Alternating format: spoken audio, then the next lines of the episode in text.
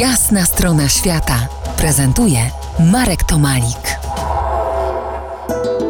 Po jasnej stronie świata Marek Kamiński, znany nam filozof, podróżnik, przedsiębiorca i mówca motywacyjny. Marku, w poprzedniej części naszego radiowego spotkania w Sopocie, w Krzywym Domku, gdzie pamiętam miałeś swój ślub, a pamiętam, bo byłem na nim, Wow. e, rozmawialiśmy o twojej e, zeszłorocznej wyprawie samochodem elektrycznym, o wyprawie No Trace. W przyszłym roku masz ponownie usiąść za kierownicą samochodu elektrycznego w podróży dookoła świata, ale nie pojedziesz sam. Będzie towarzyszył, czy towarzyszyła, to jest on czy ona? Ona. Noa. No, Noa. Tak. Będzie mi to szło, tak, e, robo, robot, robotka, Noa. Ja myślę, że korzenie tej wyprawy, tak e, jak teraz o tym myślę, o tym projekcie, tkwią być może właśnie w Krakowie, a mianowicie właśnie w Krakowie wiele lat temu spotkałem się ze Stanisławem Lemem. Spędziłem z nim prawie cały dzień w jego domu, rozmawiając, jedząc ciast, ciasto śliwkowe, pijąc herbatę. I w sumie wtedy nawet nie, nie wiedziałem tak do końca, po co spotykam się właśnie z, jednym z naj, najwybitniejszych polskich e, autorów, pisarzy I umysłów. i umysłów, e, geniuszy, jeśli można tak powiedzieć też, którzy widzieli przyszłość.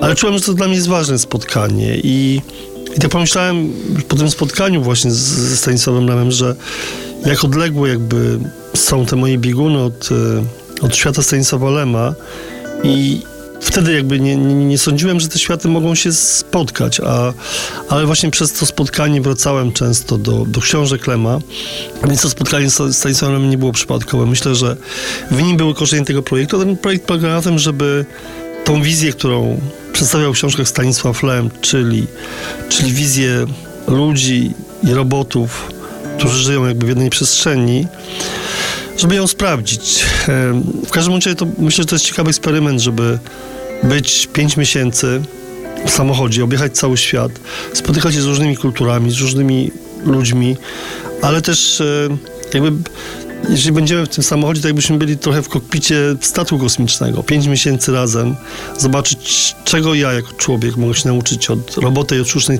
od sztucznej inteligencji, ponieważ ten, ten robot nie będzie tylko taką zabawką, to będzie rzeczywiście coś więcej. My pracujemy teraz z takim zespołem programistów z Warszawy nad, e, nad softwarem tego robota. Ten robot też będzie miał własny profil, Noah Explorer, czy Noah the Robot. A wszystko będzie miało wymiar też globalny, bo Wszystko będzie miało wymiar globalny. Ten robot też ma w sobie kamery 4K, będzie mógł na bieżąco jakby w robić sensie streaming. odbiorców, grupy odbiorców też globalnie, tak? Tak, tak. Myślimy o tym, żeby głównym językiem był język angielski jednak komunikacji tego projektu i, i myślimy o tym, że jakby też pracujemy nad tym projektem tak naprawdę ze, startupami z Chin, z Hongkongu, z Doliny Krzemowej, e, z Indii, z Japonii też i myślę, że to będzie na pewno projekt, który, pierwszy mój taki projekt, który będzie miał globalny wymiar.